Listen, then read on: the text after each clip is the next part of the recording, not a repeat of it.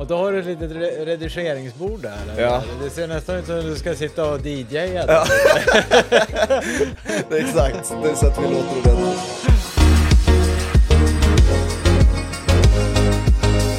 Men eh, då börjar vi från eh, där du kommer nu från senast, Parken och Köpenhamn. Du har haft ett tajt schema tills du har kommit hit i alla fall. Eh, känns det på något sätt att vardagen är tillbaks lite när Champions League drar igång igen?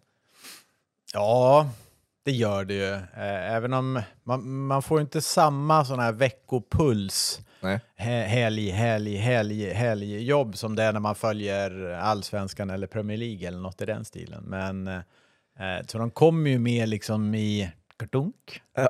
kartunk som farthinder. Ja. Eh, fast positiva sådana. Och, och då blir det väldigt intensivt kring de eh, dagarna, för det, är- det är ju alltid förknippat med resa. Ja. Och har man då match back to back, liksom två dagar på raken, då blir de rätt intensiva. Jag är jättedålig på att eh, se framför mig hur det kommer att bli med typ resor och sånt där. Så i min bok ser det ganska så okej ut att eh, åka klockan eh, sju på morgonen dagen efter man har jobbat i Köpenhamn. Ja. Men det, man inte, det jag inte tänker på då det är att man är slut där på parken någonstans strax efter 11, halv 12 och så sen ska man ta sig därifrån och så ska man hitta en bil och så sen, eh, nu, nu körde jag över eftersom jag bor i Malmö då. Men ändå så ska man köra tillbaka så innan man sängen en halv två eller Ja. något sånt där och så, åh fan, så var det så smart här att jag ska flyga klockan sju upp klockan fem. Så man, man lite lätt sådär mörbultad känner jag. Och då likadant där. Eh, du har ju varit väldigt eh, eh, flitig och hört av dig och frågat om jag kan komma. Men det är klart, då ifrågasätter jag ju mig själv. Okej, var det så bra att lägga in en podd? Ja, det. När jag och Lasse redan har spelat in en bit av Sporthuset sen jag kom ja. till Stockholm. Så att jag, jag känner min... Jag känner just nu att eh, det var inte så bra planering. Och, och det blir rätt ofta så för mig. Så att, eh, Därav väldigt uppskattat att du är här då, att du tar dig tiden då, trots att du, du kanske känner dig lite seg och trött nu då. Men du, vi, vi får väl ha det som syfte att vända på det helt enkelt så att vi Exakt, vi och jag som tackar nej till en kaffe också. Ja, det, det var ju exakt. hur korkat. Men jag har nämligen ett möte till här senare och då vet jag att jag kommer dricka kaffe. Och jag Ja. har något sånt här att eh, ja, men två koppar på, på en dag känns okej. Eh, Blir det mer då, då eh, börjar min mage liksom att skicka signaler uppåt att eh, nej, nu får du ge det. Ja, exakt.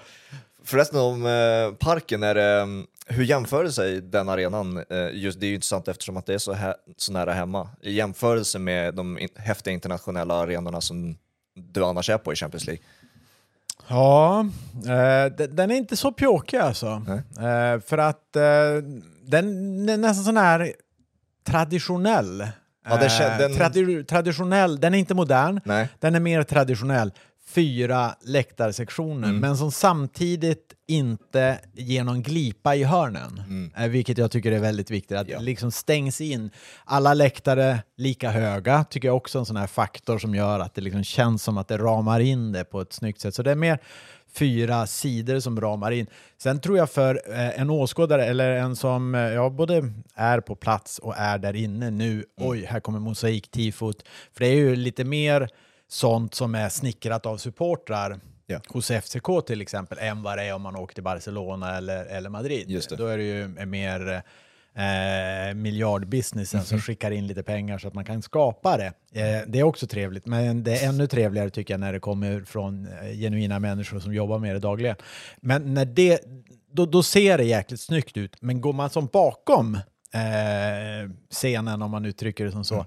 Då är det ganska då är det betong och plåt och Ja, ja. trångt och ah, in, inte så trevligt faktiskt. Så Nej, nej. Den, eh, den behöver uppmoderniseras, men jag vet ju att FCK har ju tjänat så otroligt mycket pengar Mm. på att äga sin arena och den ligger förhållandevis mitt i Köpenhamn Ja. med konserter som möjligheter med event och sånt där. Så den har ju varit en kassako. Det är klart, ju mindre de behöver lägga på och, och rusta upp den så ju bättre ser ut på nedersta raden. Ja. Så där har vi väl Och den svaret. heter inte Strawberry heller, så att det, det är ändå någonting. Nej, reagerar du på, på, på det? Alltså när nyheten kom, jag trodde det var ett skämt först, kolla om Ja. det var första april eller något sånt där. Men Ja.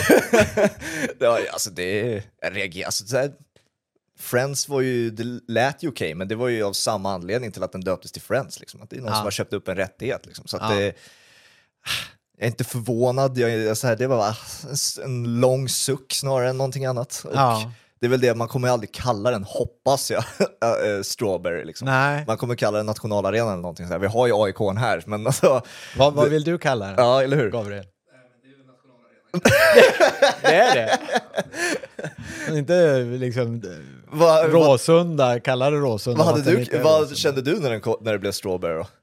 Ja, men att det som är en del av businessen. Mm. Eh, och mm, ja, de flesta arenor har ett namn och det är en viktig intäktskälla Ja. till. Och, och det är inte så att vi kan säga nej till pengar eh, i allsvenskan eller för den delen Svenska fotbollförbundet. Så, så, så därför så ser jag väl ganska naturligt. Och, eh, Strawberry är i varje fall ganska svensk, även om man ändå skulle... jordgubben låter kanske inte riktigt lika bra, men nej, men det, det får man leva med. Ungefär Ja, så det ser jag på får, det. exakt, det får vara som det var. Eh, På tal om Champions League-kommentering, jag är så intresserad av vad du tycker att den ger dig mer så här generellt som fotbollstränare, analytiker, fotbollsfantast. Vad upplever du att kommentering av så hög nivå av fotboll ger dig?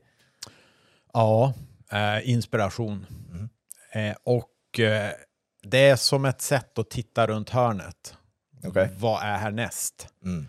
För det är i stor utsträckning de här lagen som, som spelar, spelar i Champions League som är de bäst coachade lagen, de bästa individu- individualisterna, vilket innebär att man kan se, man ser liksom eh, spetsen på plogen som plogar framför för fotbollen och, och vilka lag det är som hittar på spännande saker. Mycket av det finns i Champions League och jag tycker nästan i förberedelsearbetet då ju, dyker man ju liksom djupare in i ett lag och, och, och tittar på, och det var mm, framförallt om man tittar på till exempel lag som Manchester City som är lite så här Många inspireras av dem Ja. för att de ligger långt fram i sitt sätt att utveckla sitt, sitt spel. Mm. Eh, och de testar eh, en del nya saker och så funkar det så tänker andra att det där kan funka för oss också. Så blir det helt eh, enkelt. Så Ja. Att se sådana saker och då är det när jag går igenom dem jag att den här hörnan ska jag spara.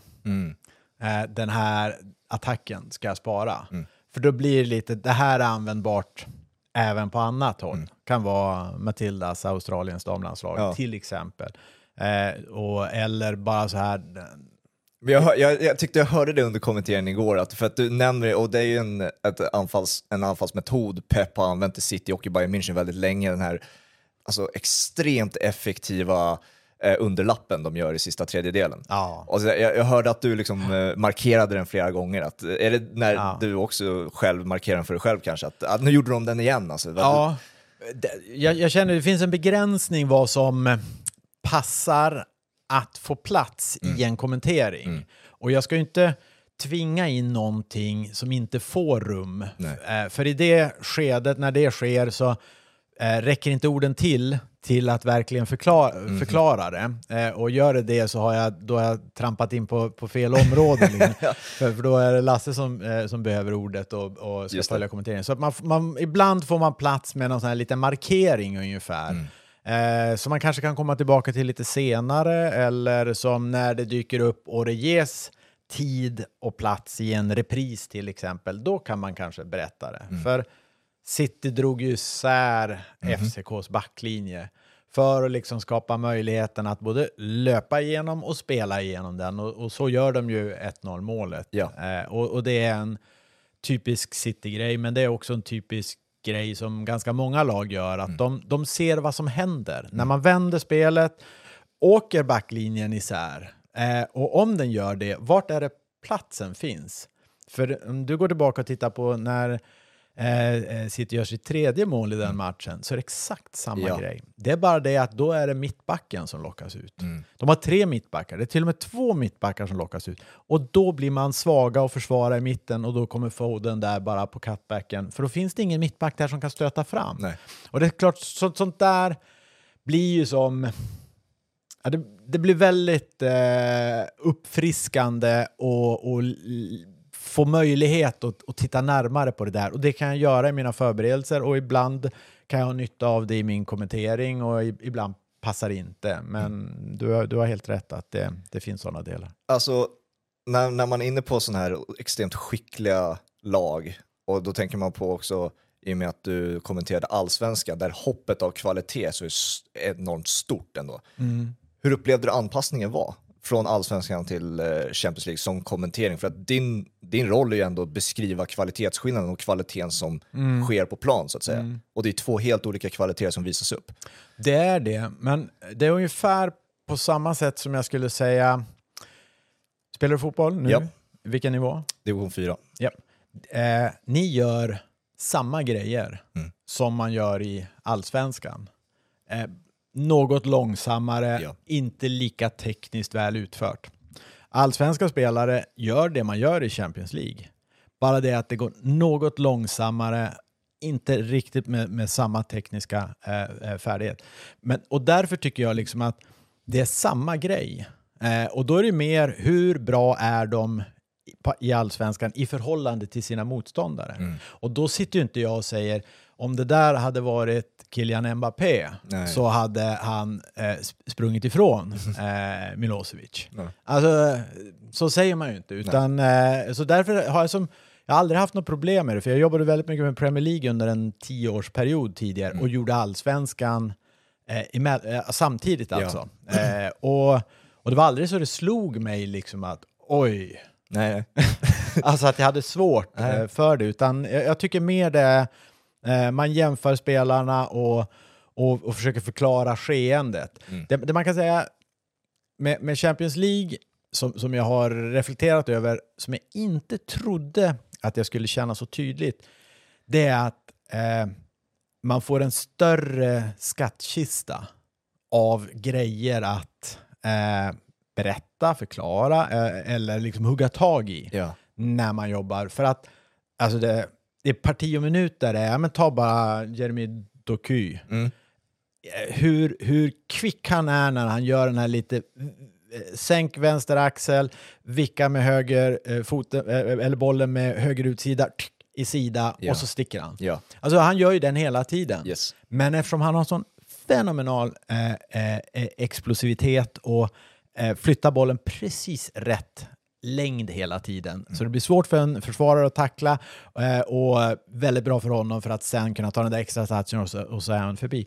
Alltså det finns så många sådana där grejer så jag kan känna i en Champions League-match, jag behöver aldrig fundera på fan, jag missade den där. Nej, nej. För det kommer snart en ny. Just det. Och på så vis är det en, eh, en, en rikedom i de där matcherna att man vet att snart kommer en ny grej. Så har jag missat något, medan där kunde man väl ibland känna i allsvenskan, shit liksom att jag inte var på den där grejen. För eh, det kommer inte dyka upp igen. Nej. Eller vad, vad det nu är. Medan här kommer det hela tiden nya eh, eh, guldkorn och, och det känns liksom eh, få förunnat och få, få jobba med det. Jag, jag är väldigt tacksam över det. Det känns nästan svårare dock att kunna precisera då exakt vad som är det extremt, alltså det som är, gör så extremt, extremt bra som är värt att hylla till skyarna istället då. Eftersom allting är så pass bra.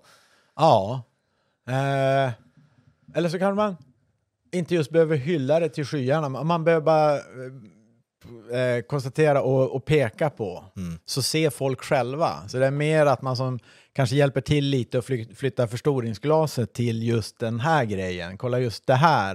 Eh, och att det blir som mer det sättet att förmedla än att man, eh, än att man hyllar. Men ik- ikväll är det ju PSG och Mbappé eh, som vi kom, kommenterar till exempel. Och det är ju nästan i varje aktion som Mbappé gör med bollen Ja. som det finns någonting sånt här. Mm. Och det är klart att eh, gör han något extraordinärt då, då vet man att aha, det är en eller två i, på det här jordklotet som kan göra det där Mm. på sin höjd och då är det värt att hylla kanske. man slås också av det, nu kommer inte ni vara där på plats med live, men du har ju varit där på Princes och sett dem göra saker live. Alltså, det är när man ser dem göra det live också, när man slås ännu mer utav det. Herregud, hur är det ens mänskligt att göra? Liksom? Ja, Nej, det, det, det är häftigt alltså att, se. Men, men som sagt var, och det kan ju vara, det kan vara offensiva saker som man eh, slås av likväl som det kan vara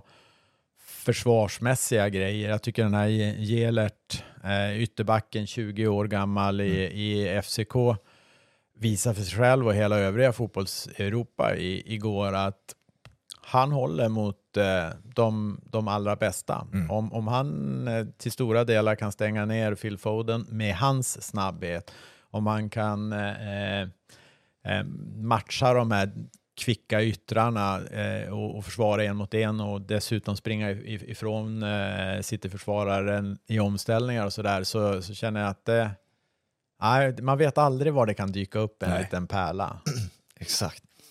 Jag tänkte förresten om vi kunde gå lite till senaste nytt också och Mm. eh, se om du, kunde, om du någonsin reflekterade över att ja, men om domaren hade delat ut lite mer blåa kort igår på parken, då hade det känts som en Mm. mycket bättre match. Kände du någons, någonsin det spontant sådär? Nej, fa faktiskt inte. Jag, eh, jag vet att i, några omgångar eh, i, en, i perioder så, så tycker jag att eh, då har vi kallat det liksom ett orange. Exakt, kort. ja. Det är ju någonstans mellan gult och, och rött tycker jag. Blått, jag förstod liksom inte riktigt Nej. varför det blev blått helt Nej, plötsligt. dina re- reaktioner när eh, nyheten blått kort kom ut var... Nej, jag var, tänkte, nej, men, är det något så är det väl orange. Men, eh, ja. eh, om man säger det finns ju i bandyn. Det finns blått kort i bandy. Ja, det är faktiskt inte blått, jag tror det är eh, någon annan färg på det. Okej. Men just där, de har ju en fem minuters utvisning, de har en tio minuters Ja. utvisning. Och bandyn har faktiskt vissa, eh, vissa påminnande eh, drag av fotbollens storleken på, på planen är lika stora, antalet spelare är lika stor. Och, och några grejer där, så jag vet vid något tillfälle var jag besökte Hammarby bandy för att bara lära mig mer och få höra deras syn på hur, hade du, hur ser du på fotboll och vad finns det för likheter i det ni gör och sånt där. Och det är klart, då slogs jag ju av det. De här fem och tio minuters utvisningarna är ju ganska, ganska, alltså de, de är bra. För helt plötsligt så kan ett lag få momentum eh, Ja. i en sån period och liksom, nej, nu jäklar kör vi, eh, nu när vi är är en man mer i den här perioden. Och, och jag tror inte det skulle vara, vara enbart fel med det. Eh, i, jag tycker väl egentligen att, att det blåa kortet, eller eh, orangea som jag skulle vilja kalla det, fyllde en större funktion när inte VAR fanns. Mm.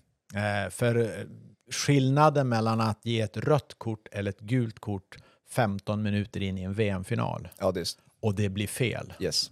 eh, eh, då blir det stora konsekvenser. Mm. Då hade ju ett orange slash blått kort funkat bättre. För man vet att man, tydlig markering, eh, det blir ett straff, Mm. eh, men om man går fel i den här, som, som domare i den här situationen så har man inte eh, ödelagt matchen, vilket ju annars har varit fallet i vissa sådana här jättestora matcher. Mm. Eh, Vi satt faktiskt och lyssnade innan du kom på när Ange Postecoglou satt och eh, delade sin åsikt om blått kort och han menar ju liksom att det känns, han förstår inte riktigt varför fotbollen envisas med att sakta ner tempot i matcher samtidigt som andra sporter försöker att öka tempot i matcher, att det ska gå fortare, att eh, spelet ska rulla på så snabbt det går. Eh, Medan vi, medans vi i fotbollen hela tiden med VAR och allt vad det är, liksom att allting ska alltid, det ska ta längre tid att genomföra de här 90 minuterna hela tiden. Jag tror väl egentligen inte att det är... Eh, idén är nog inte att eh, sakta ner spelet. Nej, det, nej. det är nog att göra så att det blir färre ödesdigra misstag. Mm. Eh, och och det, det kan jag köpa. Samtidigt eh, håller jag med Ernst. Eh, Postecoglou tog ett tag innan man lärde sig det Ja, där det efter, efter efternamnet Postecoglou. När man väl har kommit på det då är det hur lätt som Ja, helst. Men ja. innan dess har man ju fel tio gånger på raken.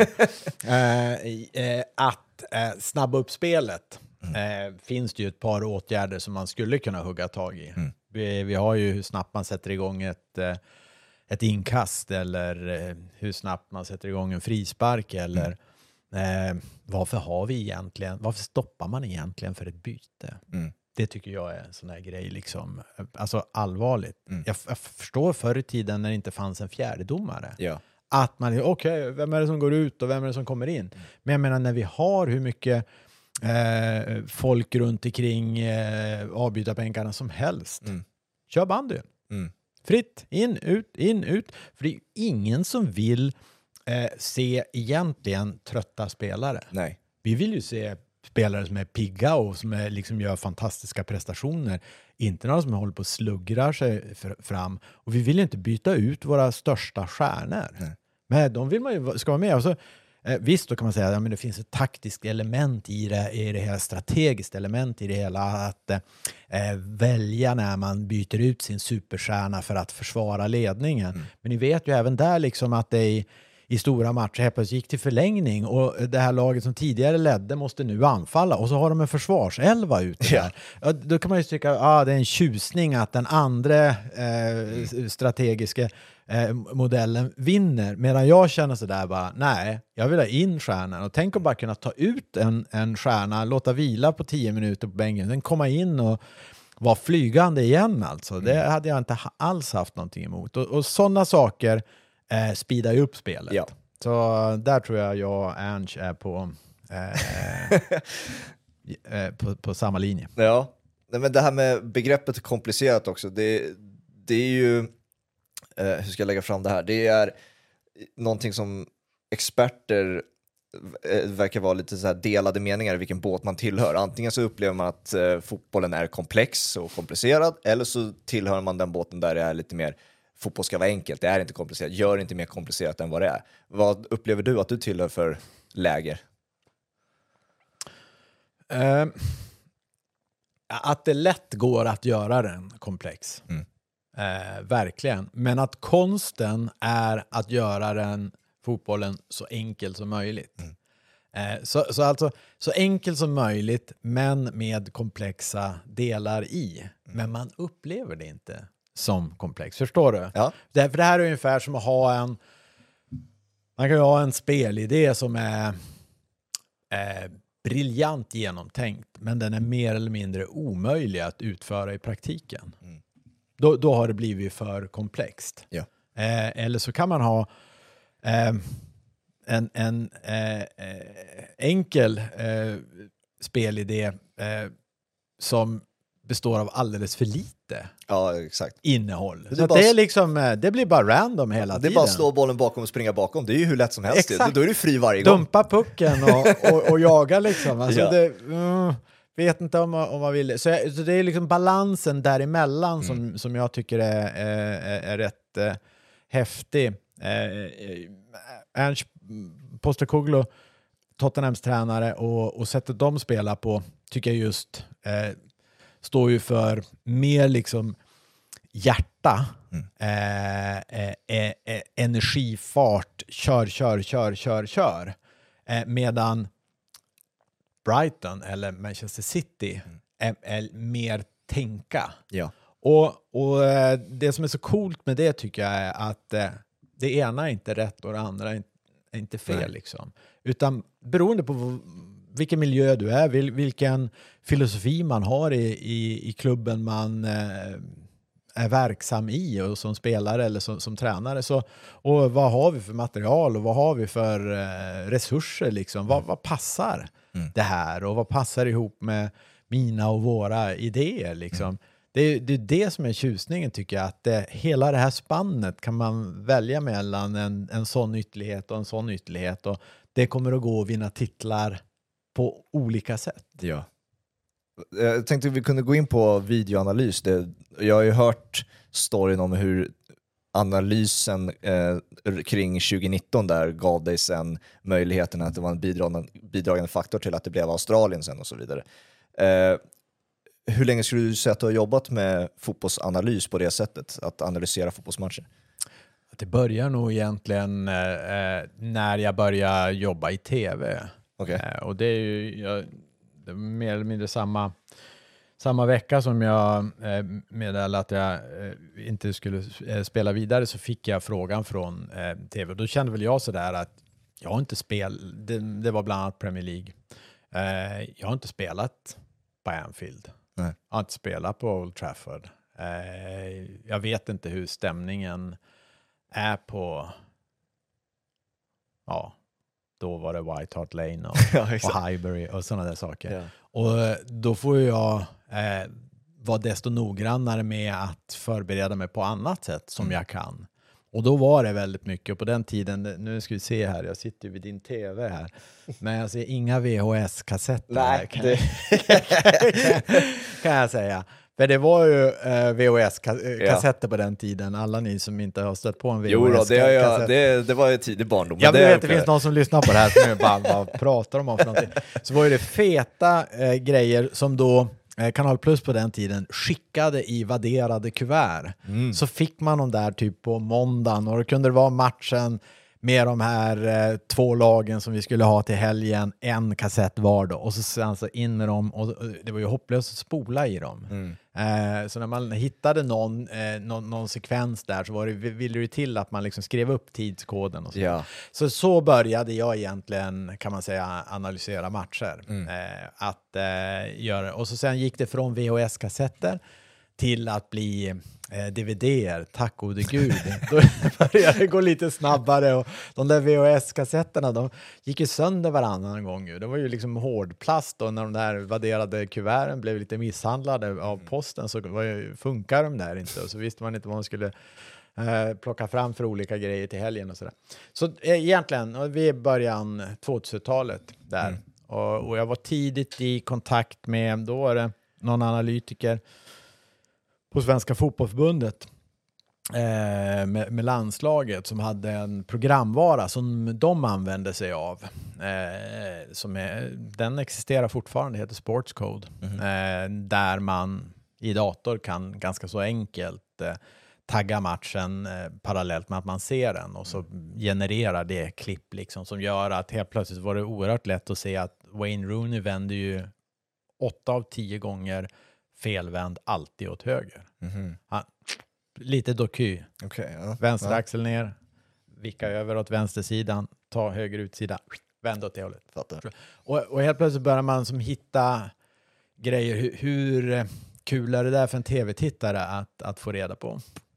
Eh, kanske i något sammanhang Mm. att det är det. Men, men i, i varje fall för att få, få lite mer djup på det som jag kunde addera till, till sändningar så kan Ja. man säga att, eh, att det började. När eh, du ska analysera lag och sånt där, hur, och du bara får ett blankt papper och att du ska göra en profil på ett lag till exempel, hur, hur ser den processen ut och hur, hur lång tid kan det ta till exempel? För att det, det är ju ett analysarbete som eh, du, du gör samma sak egentligen, till en början i alla fall, som oss alla andra, tittar på en fotbollsmatch. Ja. Men tankesättet och det du ser antar jag är någonting helt annorlunda.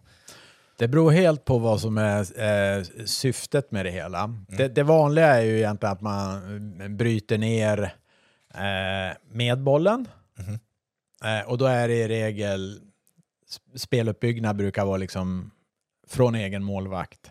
Eh, och sen när det blir etablerat, när man liksom har kommit upp i, i plan och så blir det i regel genombrott Ja. och avslut. Liksom.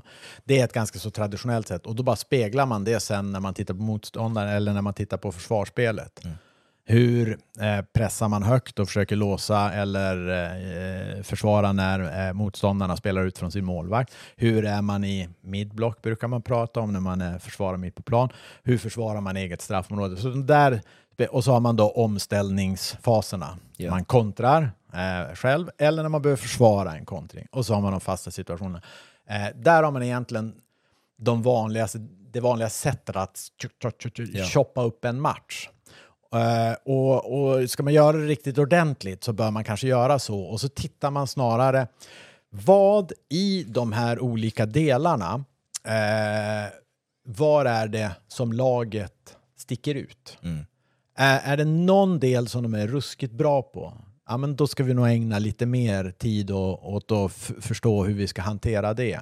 Och är det någonting som de är, verkar vara svaga på, mm, ta Real Sociedad till exempel, som Mm. vi kommer titta på i- ikväll.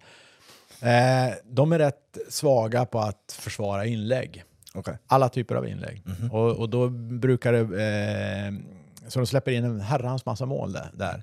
Eh, och det, när jag ser det, det är mycket bolltitt, eh, lite för dåligt organiserade, inte riktigt duellspelet där. Vilket är... Eh, hade man mött Real Sociedad hade man nog definitivt påpekat det för eh, sina spelare och även titta på hur är det vi brukar eh, agera i de här situationerna och eh, vad ska vi göra mer av när vi möter dem. Det kan vara liksom en specifik sak. Skulle jag bara koka ner det till dess viktigaste essens, eh, om man gör en analys, så skulle jag nog säga att det är styrkor hos ett lag, svagheter hos ett lag och hur vinner man mot ett lag. Alltså kan du svara på de eh, tre frågorna, då tycker jag att, och det behöver inte vara en A4 på alla, Nej, nej. det kan vara en mening på alla, eller två meningar på en och tre på en annan och en på den tredje. Eh, och när du går tillbaka till 2019 så var ju det dam-VM i Frankrike, det första eh, eh, kvinnliga mästerskapet tror jag, där det liksom blev en, både kvalitativt sett, en fotboll på väldigt hög nivå Ja. och intressemässigt så det också nådde ut. Eh, det mästerskapet spelades i, i, i, i Frankrike och USA vann det. Och då, eh, inför det mästerskapet så hörde USAs eh, eh, damlandslag av sig och, och sa vi skulle vilja att ni analyserar oss som att ni skulle möta oss och slå oss. Och då å, äh, åkte jag och tillsammans med äh, Imar, en annan eh, eh, kollega på Sportlogic som företaget i Montreal hette som jag jobbade för då.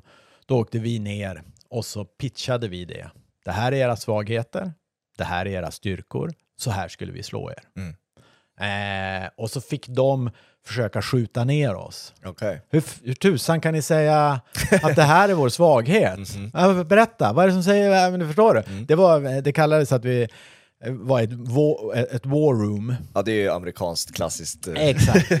eh, och så, så de ifrågasatte, de ifrågasatte det mesta skulle jag vilja säga. Så hade vi liksom inte täckning så Eh, hade vi inte haft täckning för, för det vi presenterade så hade vi haft en riktigt jobbig två timmars stund där. Det var nog Då hade ni inte och med välkomnats tillbaka heller. Nej, jag tror inte det. Så att det var egentligen efter det som, eh, som de sa liksom, okej, eh, det här tyckte vi var, var givande, vi vill att ni gör det här på våra svåraste motståndare också. Och så högg vi tag i, i dem, Minns de du, lagen. minns du vad det var för hur man skulle slå USA? För att det var ju kanske det bästa USA vi hade sett. Ja, och de var ju vid den tidpunkten och några år innan det också så var USA så långt före eh, övriga lag i, i damfotbollen för att de var fysiskt så otroligt, alltså de var alla var atleter. Eh, så de kunde vinna väldigt mycket bara på att vara snabbare, starkare, intensivare än sina motståndare. Så till slut så orkar liksom inte lag med dem. Nej. Men eh, jag kommer ihåg någon sån här grej, i, i varje fall, eh, de var väldigt stora eh, när de hade bollen. Vilket innebär att de, eh, tänk Barcelona när Barcelona var som bäst. Ja. De gjorde planen jättestor. Yttrar högt och brett. Ytterbackar lågt och brett. Och så säger han eh, nian högt upp. Mittbackarna långt. Fatta, det var ett hav på mittfältet för eh, två, tre stackars spelare som skulle täcka 75 procent av, av planen. Nej, men det var eh, jättemycket. Så det, det var väl en sån där grej, liksom att eh, när de förlorar bollen, oh my god, vad det finns plats att spela. Ja. Men då får man göra det här och nu. Liksom. Det var väl eh, var, var en sån sak. Eh, typ en sån här standardgrej, vilken av mittbackarna? Eh, kan, man, kan man hitta någon press victim, brukar Ja, man okej, kalla ja. det. Eh, någon som, eh, när de hamnar under press så blir inte bra. Mm. Och det finns eh, i en, en, en del lag eh, sådana spelare som man, nej men herregud, klart som tusan att vi ska ta bollen åt den där sidan. Och Mm. lite, lite, lite sådana saker kan det vara. Upplevde de också att, att det var deras svagheter? Du sa att det var mothugg, eller köpte de eh, ändå att det var det de hade som svagheter?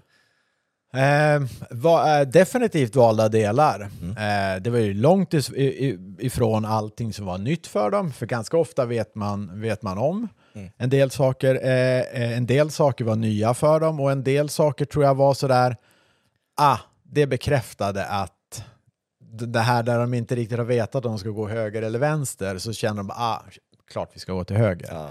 Så jag tror det, det var mer på, på det sättet. Någonting nytt, någonting som bekräftar någonting där de kanske inte riktigt visste vilken väg och någonting som de absolut inte höll, höll med om. Så det, det, det fanns eh, alla delar och jag tror i det fallet att de liksom inte de förväntar sig inte att det här är facit, men de för, förväntar sig att deras eh, idé om hur de ska ta sig an den här motståndaren eller den här matchen, att det kommer att bli bättre med den här informationen. Och jag tycker generellt sett att att våga fråga om ens svagheter eh, är modigt. Ja. Och det är mycket bättre att göra det innan en turnering istället för att stå face to face med det efter en turnering och ha förlorat. Exakt. För att man inte äh, tog tag eller insåg det tidigare. Och det tycker jag väl är eh, så här liksom ett, ett kvinnligt ledarskap skulle jag vilja säga, som jag tror inte alltid är så vanligt. Eh, eh, lika vanligt bland, bland män att våga ställa den frågan. Nej, coolt. Jag tänkte, det leder oss in på Australien och Matildas, men jag, sist om eh, videoanalysdelen, jag var lite inne på det där med att vi som ser fotboll bara, eh, bara tittar på tv egentligen. Hur skulle du säga att ditt eget fotbollstittande på fritiden har påverkats av alla de här delarna? Att du har den här videoanalysen och fotbollsexperten och fotbollstränaren som alltid, som man vet när, hur det är med fotbollsfantaster, det, det finns alltid där i bakhuvudet. Kan du stänga av det på något sätt och bara se det som du gjorde för x antal år sedan eller är, det, är den alltid aktiv? Eh, jag, jag tycker att det är med, bättre balans på det nu. Nu kan man säga nu för tiden jobbar jag inte så mycket med eh, videoanalys för nu är jag mer eh, tränare och eh, aktiv på planen, aktiv ute på planen och mycket av de, de möten som jag har eh, när det är kopplat till, till sånt, det är ga- ganska mycket eh, individuella möten. Eh, kan vara ett mittfältspar eller en kant eller, eller så. Och, och då är det lika mycket, eh, vad ska vi kalla det, medmänskliga saker som det är taktiska saker. Ibland till och med mer. Alltså hur kan jag, kan jag hjälpa den här personen att inse hur bra den är på de här grejerna? Idrottspsykologi nästan. Ja.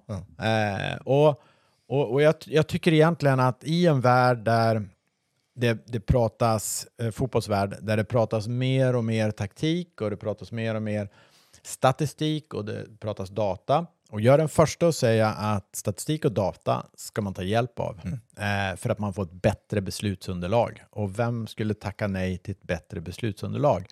Eh, men att eh, det har gått till, en, till den gräns nästan där vi glömmer bort det som är det helt grundläggande. Köttet och blodet. Och, och då menar jag eh, inställningen, eh, passionen, eh, modet, viljan. Alltså de här grejerna eh, eh, känner jag att de pratas det lite för lite av eh, och om.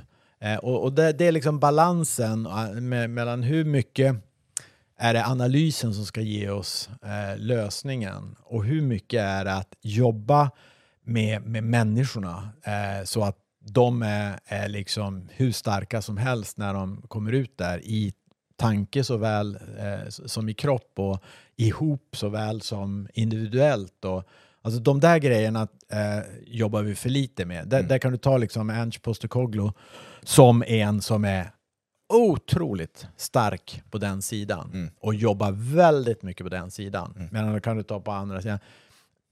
Pep har ju adderat den delen till eh, egentligen ett, eh, ett, ett oerhört vasst taktiskt kunnande. Men, men, men återigen, alltså den här jäkla mixen mellan de där olika grejerna eh, som, jag, som jag tycker är det coola och, och det, man ska hitta balansen mellan eh, det enkla och det komplicerade. Vi är tillbaka där. Ja exakt, det var just det. Men, men eh, om vi, det, så du skulle, det är det du sitter med och jobbar nu till exempel mellan samlingar och sånt där, men, i, när du inte är med samlingarna på, med Australien och så, eh, mötena. Hur, det känns ju jättesvårt också, jag vet inte hur mycket tid, såklart du har väl lagt ner jättemycket tid på idrottspsykologi då, lärt dig om de mjuka värdena och allt det där, men hur svårt är det att lära sig. För att det är ju en annan värld på, ett, på Mm. många sätt också.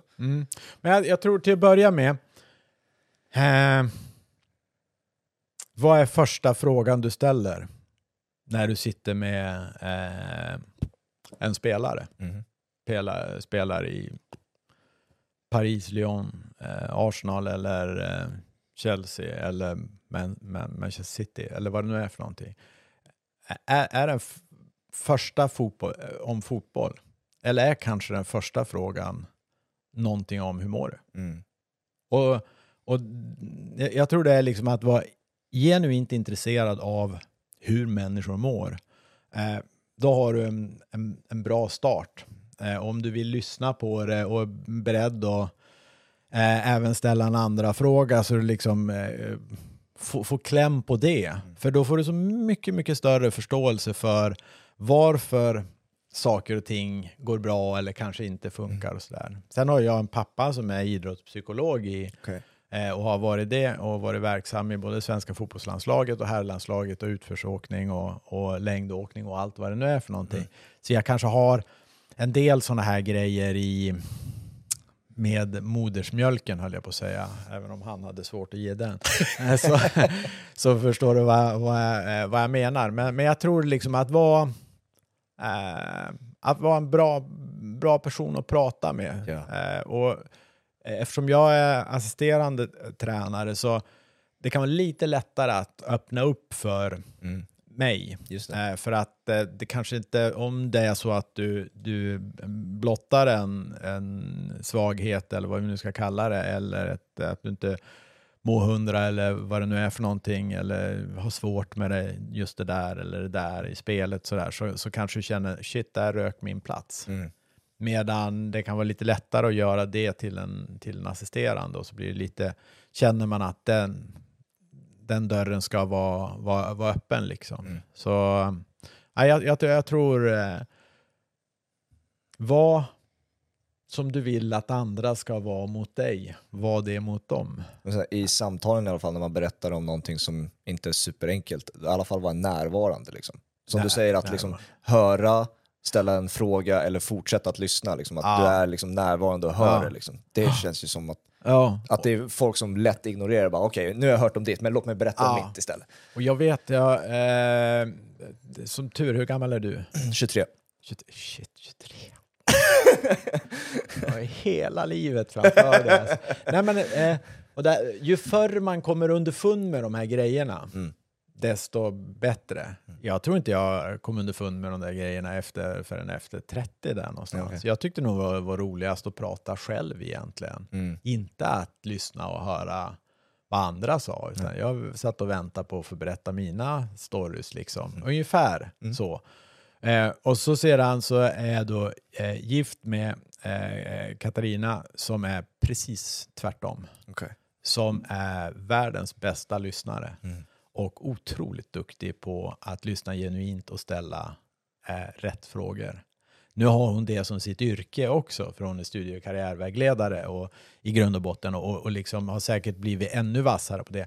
Men jag har ju gått i hennes skola och, och känner då liksom att jag har blivit mycket bättre lyssnare än vad jag varit tidigare. Och jag tror jag har blivit en bättre eh, tränare den vägen också. Och jag tror att när jag jobbar med, om det är Dis- Discovery eller för TV4 och eh, eh, pratar med Henrik Rydström så kan jag få Henrik Rydström att och säga saker som man kanske inte annars hade sagt. Mm. Eller komma närmare en spelare i, i något sammanhang också. Eh, genom att de känner att eh, här connectar vi på något sätt. Så Ja. jag, jag tror det där liksom att kunna connecta med, med mycket eh, eh, engelska ord som kommer in i det hela. Men, och som du säger, eh, närvarande. Eh, att verkligen lyssna Mm. eh, och verkligen vara intresserad. Där, det, det är fina egenskaper ju förr man kommer underfund med dem. För det jag upptäckte med min fru var ju, fan hon går ju hem i alla sammanhang. Hon går hem i alla sammanhang. Jag tänkte bara, vad är det hon gör? Eh, och, och, och det var, det var min analys där efter några år, att det var det hon var så otroligt och är så otroligt skicklig på. Och Mm. då ska jag, ja, ska jag försöka bli, bli bättre på det. Vad har feedbacken från spelarna varit då, har du upplevt? Dels var du vad de visar upp sen på träning och match, att det blir en förändring där, men också kanske vad de har sagt till dig och, och sånt där efter de här samtalen har gjorts? Alltså jag, jag, tror... Nu är de väl lite generösare på, på, på damsidan kanske med att visa uppskattning. Mm. Men, men annars så, det är ganska mycket ge ändå. Ja. Eh, men, men, men, bara att de tackar för att man tar sig tid mm. tycker jag är en ganska fin, fin grej. Mm. Liksom. Mm. Eh, och ibland märker man ju att saker och ting ger effekt. Mm. Och ibland märker man att, åh herregud, alltså jag stångar min, mitt huvud rätt in i, i väggen här. Mm.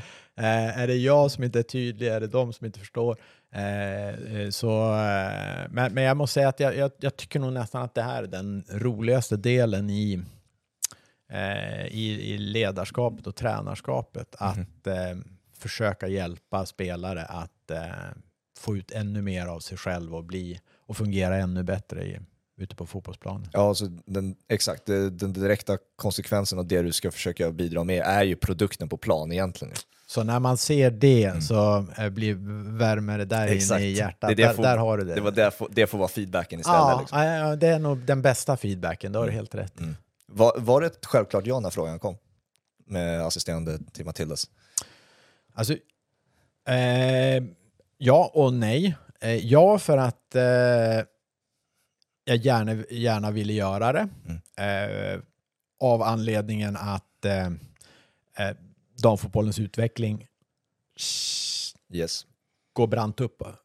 Eh, och den har ännu inte kommit nära taket. Nej, det fanns ju en artikel där i maj som kom ut med det om damfotbollen var en aktie, investera nu oh, eller vad det så? Ja, den är fortfarande köpvärd. Ja. det så. Den är fortfarande köpvärd. Det är fortfarande en hel del kvar på resan och att då vara med på den där resan och det, det som egentligen hände i samband med det där hemma-VMet också, mm. där intresset bara slår i taket. Ja. Och där eh, jag menar 50, 60, 70 tusen och eh, e-, efter VM har vi så, sålt slut på alla landskamper bara så. Mm. Utsålt, utsålt, utsålt, utsålt. Eh, och, och se liksom vilket genomslag eh, som hade. Den, kände, den var jag ju nyfiken på. Mm. Och så ser han nyfiken på också och se just eh, eh och, och jobba med damspelare och kunna jämföra det med herr. Mm. Skiljer det sig någonting? Eh, behöver man vara på ett annorlunda sätt eh, eller är det bara ut och tuta och köra? Mm. Så det kändes som de här olika delarna. Jobba med Tony eh, kändes jättespännande för jag, jag, tycker, han, eh, jag tycker han är väldigt duktig. Mm. Eh, och vi har, har, liksom lärt känna varandra längs vägen så det kändes liksom kul att eh, vara eh, vid hans sida och försöka göra och hjälpa Tony och, vara den bästa versionen av sig själv om man får säga så. För att det är egentligen en av mina viktigaste uppgifter att eh, hjälpa honom att, att ja. fungera och hjälpa spelarna att mm. fungera. Mm. Man är, blir som en hjälpreda. Eh, mm. Så har vi duktiga, två duktiga videoanalytiker som gör allt sånt där. Mm. Så nu är det mer att jag får och vi får tillgång till färdigt material och så blir det mer utifrån det materialet som man tittar på och säger okej, okay, vad är viktigt när vi möter de här? Och så yeah. plocka ut de där delarna. Så jag slipper ganska mycket av det grovgörat som, som man var tvungen att göra tidigare. Mm. Men som svar på frågan, ja, enkelt av den anledningen, eh, eh, nej, svårt för jag ville gärna fortsätta, kunna fortsätta med det jag gör mellan camperna. Mm. Eh, och i det här fallet då jobba med, med eh, Champions League för, eh, för TV4. För jag, jag vet inte, jag tycker det är skönt att ha två pålar ner. Mm. två delar i, i, i mitt yrkesverksamma del av mitt liv som är viktigt. Jag, ja. jag känner att då får jag liksom bra balans, jag får variation. Mm. Jag, jag ser herrfotboll, jag ser damfotboll. Eh, jag jobbar i media, jag jobbar i verkligheten. Mm. Alltså, de kompisdrar med varandra, ja. de där. Jag, jag, ser den bästa fotbollen så jag får mycket bra influenser, tar med mig det, visar Tony, jag säger här, är det här någonting? Mm. Eh, så eh, just där, eh, jag har gärna den effekten. Någon eh, kan säkert säga att ja, men det är som att äta kakan och ha den. Mm. så ska man inte göra ungefär. Men, men för mig tror jag att det är den bästa modellen. För jag har haft den där kombon rätt ofta. Ja. Jag hade, hade, jag hade svårt att bara spela fotboll om jag ska vara ärlig. Mm. När jag eh, flyttade ner och var lika ung som, som dig och, och spelade fotboll med Djurgården så jobbade jag på arkitektkontor och ritade hus på dagarna. Okej. Tog skisserna från arkitekterna, eh, gjorde färdiga ritningar av det. Här, bygglov, bygghuset. Eh, och, och jag mådde jäkligt bra av att ha det parallellt med fotbollen. Mm. Jag visste att det är någonting annat jag kan eh, utanför fotbollen som ger mig liksom en, en trygghet. Eh, och så när jag flyttade till Malmö så var det heltidsproffs som gällde, men jag kände efter liksom tre år där att nej, men nu har jag nu har vi pratat nog eh, tips extra och V75 och brudar. Ja, Någonting annat vill, Ja. jag, vill jag få in i, i, i, i, min- i min vardag också. Mm. Så då började jag jobba parallellt med det som projektledare för ett, för ett företag. Och jag känner just den där duo-grejen eh, tror jag är, det är min modell. Ja, det, jag, jag funkar, fungerar lite likadant, att om man har fler bollar i luften samtidigt så känns det som att så länge man kan göra det ordentligt så, Ja. så funkar det väldigt bra. Andra Ja. är ju precis tvärtom, att du måste fokus på en och samma sak hela tiden. Ja. Men många behöver ju där att för att kunna släppa en motgång på ena sidan så måste du ha någonting annat att göra. Framförallt när det handlar om till exempel en sport och fotboll och gör att eh, du missade de här lägena, de här chanserna, det gick så dåligt idag. Då får glöm det, för nu har jag någonting annat att fokusera på. Ja. Så kommer du tillbaka starkare nästa dag istället. Jag, jag brukar beskriva det som att man har pålar ner i marken. Mm.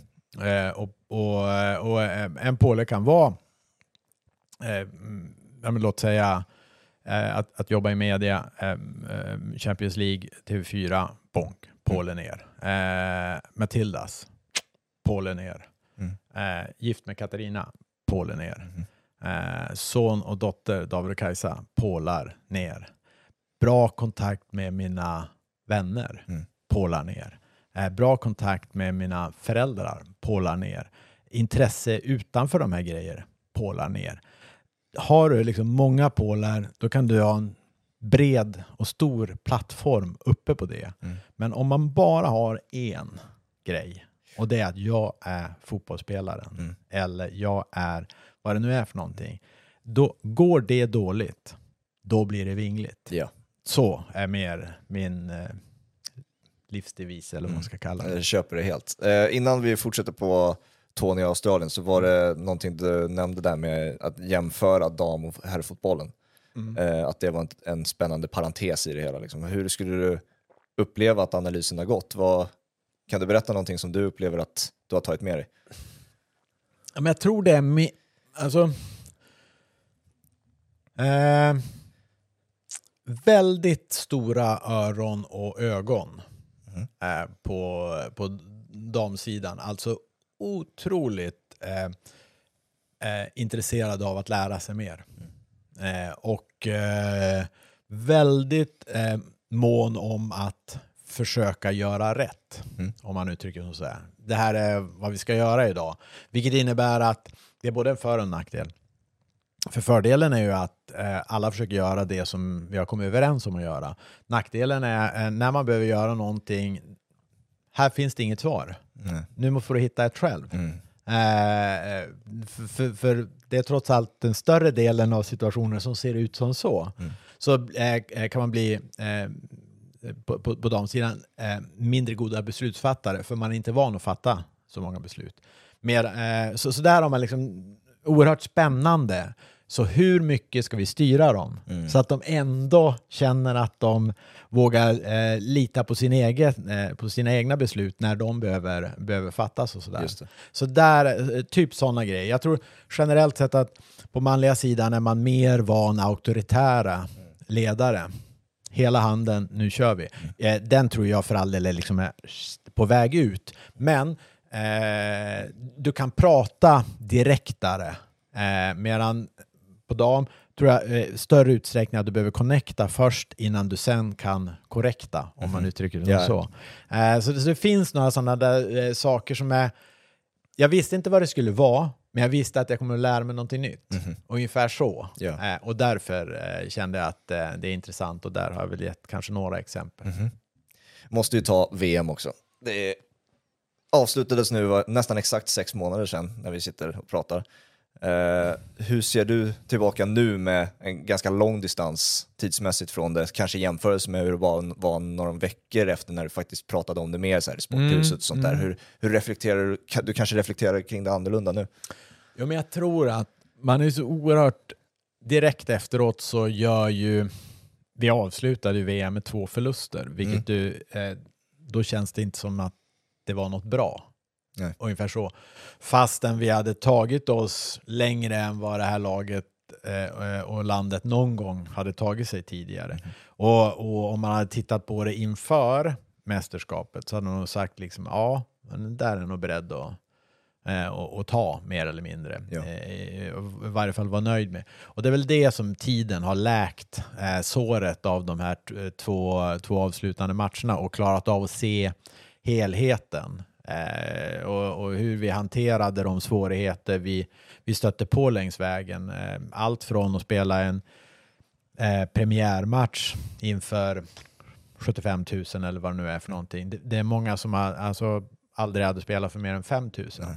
typ. Mm. Eh, och som spelar eh, ofta inför 1500 Ja. eller eh, 250 som ska ut i det sammanhanget. Ett mästerskap som man har byggt intresset för, marknadsfört, boom, boom, boom. Alltså bara, eh, och ju, de, de säger det i Australien, att Australien är rätt så ljumma när det kommer till sådana här grejer ända fram till det startar. De sa att det var likadant med OS i Sydney 2000. Ja. Det var liksom, ah, det, ah, men det, ska, fan, det ska vara OS här liksom.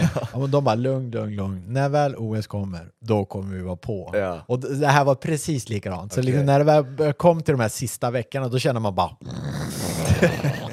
hur landet vaknar till liv. Ja. Och sedan med de här framgångarna som, som, som eh, Matildas fick här under, under mästerskapet också, så var det bara som att det exponent, exponentiellt ökade intresset och allas engagemang. Och det var ju från regeringshåll till eh, super, superstjärnor, artister, alla var bakom, herr som dam. Jag tycker nu ryser jag när, när jag säger det, för det var en av de grejer som jag tyckte var starkast. Alltså, det var bara att se hur, hur läktarna såg ut. Ja.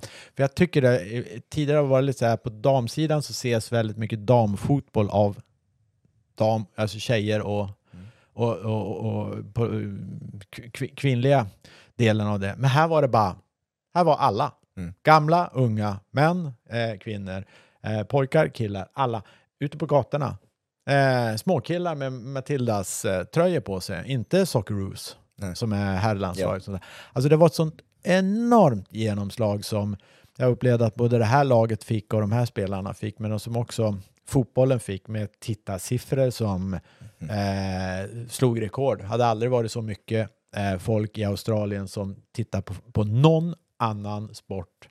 Eh, jag, jag tror det var typ Kathy Freeman när hon sprang i OS som kunde mäta sig med. Det var, det var något sånt där. Ja. Alltså det var he, helt... Eh, och, och det eh, kommer ju för alltid att vara ett eh, otroligt varmt minne och, och kunna titta tillbaka på de här. Och Sam Kerr skadad. Men herregud, vilken mardröm alltså. Ja. Det är som om Messi inte kunde lira för Ja. Argentina eller Ronaldo. Och hon är det liksom även i globalt liksom. Eh, det, när jag pratar med andra klubbledare eller tränare eller, eller så, så de, de säger liksom hey, she's carrying the World Soccer Brand eh, om det är man är på USA-sidan. Men det, eh, och, och hantera det och vara upptryckta mot eh, väggen, intryckt i ett hörn, måste vinna mot Kanada i sista matchen. Sådana här grejer också. Och så sen så exploderar det i en 4-0-seger i Ja. Melbourne som är en kväll som man liksom sent kommer att glömma. Och en sak som jag blivit bättre på det är att i de här lägena, och det har jag sagt till Mel som eh, en assisterande också, liksom Mel, soak it in. jag vet inte om det, det verkar funka när jag säger det i varje fall. Ja. Så jag antar att översättningen är rätt. Ja, ja. Eh, liksom att, att det är inte ofta man är med om sådana här kvällar. Nej. Se till att liksom, nu jäklar, på tal om att vara närvarande, Mhm. var närvarande och inte bara eh, "Aj, direkt åt sidan, nästa match.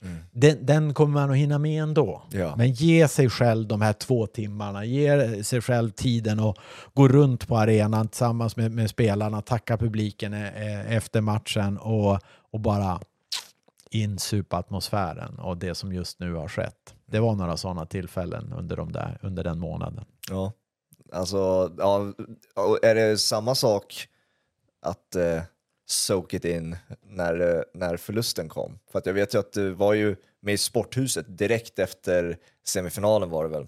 Ja. Eh, om det var halv, det. halv två på natten. Så, Då, och då, då, då, då, var jag mer krossad Ja, än då var nu. kan jag säga. då, då var det ju mycket så här, jag tror till och med alltså din, eh, det du sa var, äh, nu släpper vi och går till nästa, eh, nu är det dags att analysera Sverige, lite så var det du sa Ja. i sporthuset till och med. Ja. Så fungerade du annorlunda i de där två förlusterna? Ja, alltså det...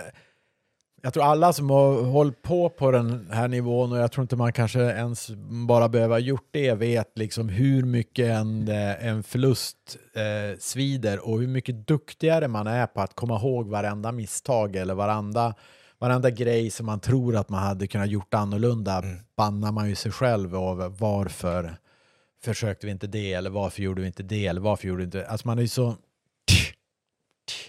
eh, grym mot sig själv i de lägena. Så att, att då försöka eh, köra soak it in-grejen, eh, då, då hamnar man djupt ner i botten någonstans. Alltså det gäller ju liksom att eh, hur ska man härifrån liksom få energi och, och komma igång igen och, och liksom se positivt på, på livet och, och orka ta sig an nästa uppgift. Och, så då är det nog lite mer lägg åt sidan. Hur udda och obekvämt nästan får man väl ändå titla det som var det att det var just Sverige i bronsmatchen? Nu i efterhand också. Så, jag höll säga, vi eh, genrepade, eller var väl fyra månader innan, och, och vann mot Sverige med, med, med 4-0. Och det, det var ju så nästan sån här eh, konstig eh, grej, sådär eh, overklig, för det var nästan som man när vi gjorde mål så hoppade man upp och blev glad, men samtidigt såg man svenska bänken på andra sidan. och tänkte, fan, vad, vad, varför är vi inte glada för? Nej, Det är nej. Ungefär så. Eh, och det är klart, man tänker inte så när man, och man vill ju gärna vinna, men eh, jag tror vi var liksom som en urvriden trasa. Så Mm. det, det kändes som att eh, vi inte riktigt hade det den dagen. Eh, så, eh, så på sätt och vis, på, på så vis kanske det var lättare att, eh, att acceptera. Och, och är det så med, med perspektiv på det hela, var det några vi skulle förlora mot så kanske det var dem. Ja, jo. Man, det var ju glatt här hemma, det, det var det ju, men man, man hejade ju på er också. Så var det ju. Vi, det var Ja, ju ja. Sverige och sen så var det i Australien. Så var det ju här hemma i Sverige. Det Vad var ju så. roligt. Det var ju, vi såg, vi såg väl Australien här också, följde, vi följde några matcher härifrån på soffan i alla fall. Så Ja. det, det, Ja, det var kul att följa. Ja. Eh, Ja, men det säger jag. Jag tror inte eh, jag har vunnit SM-guld med, med Malmö FF som, som tränare och eh, varit med om ett par eh, häftiga grejer i, olika sammanhang, men det har inte trillat in så många eh, sms och, och WhatsApp-meddelanden, det kan jag säga, i närheten av. Och helt plötsligt var det bara Jaha, det var ju 25 år sedan vi hördes senast. Så fattar man liksom, Ja, ja. okej det, här är, det här har nått brett, eh, nått ut även i Sverige förstod jag på ett sätt som jag inte eh, trodde eh, att det skulle vara faktiskt. Verkligen. Eh, jag måste mm, få in frågan också i och med att vi är inne på Australien och Tony. Eh, du vet säkert var jag vill komma. Det har ju varit en, ett namn som har ryktats om mycket när det kommer till eh, svenska landslaget och eh, på herrsidan och så. Eh, vill ju egentligen bara veta vad du hade tyckt om den, eh, liksom, om det skulle bli så att det blev Tony, eller när det i alla fall ryktades som mest om det. Nu är det ett annat namn som ryktas mer. Vad, tyckte, vad tyckte du där och då? Vad hade du tyckt om den rekryteringen och så? När det var som närmast och hetast? Eh, Tony ihop med en eh, före detta spelare Mm. eh, tror jag hade varit en jättebra lösning. Mm.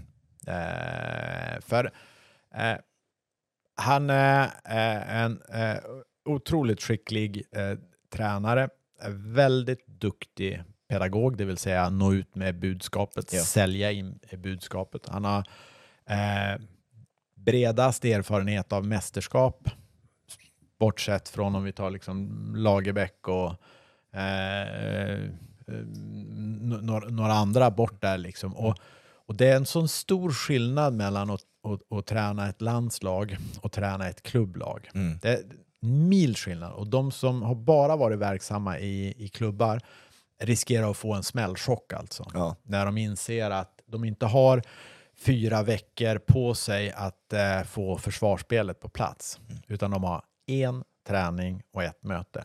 Mm. Och, eh, och, och ska du få det att funka så, så är den, eh, och ska du vara en bra förbundskapten eh, så är det oerhört viktigt att du har de delarna. Jag tycker han har, han har passionen, han har elden, han har glöden eh, på ett bra sätt. Eh, det som eh, han skulle behövt vid sin sida eh, är, tror jag, just liksom en med eh, spelarerfarenheten Mm. och då på högsta, högsta nivå Ja. så hade det blivit en jäkla bra mix. Så jag tror man var på väg mot en, mot en lösning som hade varit bra. Det hade eh, säkert funnits andra före detta spelare eh, som också hade kunnat eh, funka bra i, ihop med, med Tony. Så att eh, jag tycker det var synd för Sverige. Eh, kul för Australien. Ja, eh, som får ha Tony över, över ett OS förhoppningsvis. Vi ska iväg om när vi spelar in det här om en eh, vecka och spela Uzbekistan va? play, playoff, stämmer. Så ja, det är, och det är väl eh, Till OS. hit, exakt till OS Paris, det är väl där, dit kontraktet sträcker sig till hittills va? Ja, Mm. över OS där då. Så eh, 10 augusti är det väl nu och då är väl helt plötsligt eh, diverse eh, lösenord och sådana där i olika sammanhang. För så, så gjorde jag inför, eh, inför hemma-VM där att my- mycket eh, var, var inspirerat av vad man ville skulle ske. Ah. så blir det liksom någonting som man hela tiden eh, skriver in och skriver upp som aktuellt och helt plötsligt så blir det mer aktuellt och mer, ja men det blir som en eh, liten profetia på något Ja. sätt. Jag, jag tror det är inte fel att smyga in sådana där grejer. Nej. A- Avslutningsvis Ja. bara vill fråga dig om, just eftersom att du nämnde att du har varit assisterande på klubblag och landslagsnivå, dam och herrsidan. Får vi se dig i ett eh, huvudtränaruppdrag tror du någon gång? Man ska ju aldrig säga aldrig. Eh, och även om jag liksom är, är, börjar bli gråhårig och, och, och äldre och sånt där, eh, så är jag jäkligt nyfiken fortfarande. Ruskigt nyfiken. Jag tycker det är liksom det finaste med livet och, och prova nya grejer. Så all, all, man ska all, all, aldrig säga aldrig, men eh, jag, jag tror att jag passar ganska bra i, eh, i den här rollen och jag har en jäkla respekt för det där huvudtränaruppdraget. Eh, just att du ska ha varit i så många sådana situationer Mm. Tycker jag, liksom, eh, och, och ha en erfarenhetsbank som jag känner att jag skulle vilja haft den erfarenhetsbanken. Det, det är möjligt att jag på sätt och vis har den, men upplevt de sakerna på, på andra sätt. Ja. Men jag hade en otrolig respekt för liksom Sir Alex Ferguson, Mm. som eh, han, har- han har varit i alla olika tänkbara svårigheter Mm. och, och, och, och bra läge och vet ungefär vad som funkade och inte funkade. Ja. Och eh, den, banken hade jag velat att jag i så fall hade påbörjat för länge, länge sedan. Mm. Sen tycker jag liksom, är ju helt fascinerad över ledarskap i sig. Mm. Och hur hade man funkat och hur hade man varit mot en grupp? För, för med, med, med åren så eh, tycker jag att man liksom får bättre och bättre distans till den man är och, Mm. och förhoppningsvis kan funka och vara en bra coach för, för andra med de erfarenheter man har, man har byggt på sig. Men, men långt eh, och, och svävande svar, men eh, man ska aldrig säga aldrig. Eh, finns det någon eh, punkt där som du verkligen, för att du har ju varit en Rösslers assisterande, Magnus Persson, Tonys, alltså finns det egenskaper du absorberat från dem upplever du och om du tar med det till ett huvudtränarjobb eller bara tar med det i vardagen, vad, vad är det som sticker ut för dig då i så fall? Den är otroligt bred den där, så det är nästan där vi började det här snacket någonstans. Eh, eh, mixen av hjärna och hjärta, Ja. eh, där ju liksom eh, Ove Rössler är, är hjärta. Mhm. Magnus Persson är hjärna. Alltså det, det, det, det är så tydligt alltså. Ja. Och, eh, och eh, båda funkar i olika lägen, men hade det gått att mixa dem? Mm. Hade det gått att mixa dem? Mm. Den, eh, den hade ju varit lite spännande Mm. att ge sig på. Ja. Får Men, se- nej, men jag, Får se om det blir så. Det hade varit otroligt spännande. Eh, jag ska tacka dig så mycket för din tid. Det, var, det här gick så snabbt. Det är alltid kul att snacka fotboll med sådana som brinner så mycket för ämnet. Så att det var jätteroligt att ha dig här. tack så jättemycket för att jag fick komma ut till Råcksta och bekanta mig med de här områdena. Och jättetrevligt att vara här. Och Ja, tack för eh, inspelning och tack för kloka frågor. tack, för, tack så mycket och tack för alla som har lyssnat. Vi hörs snart igen. Ciao! Gör vi. Hej då!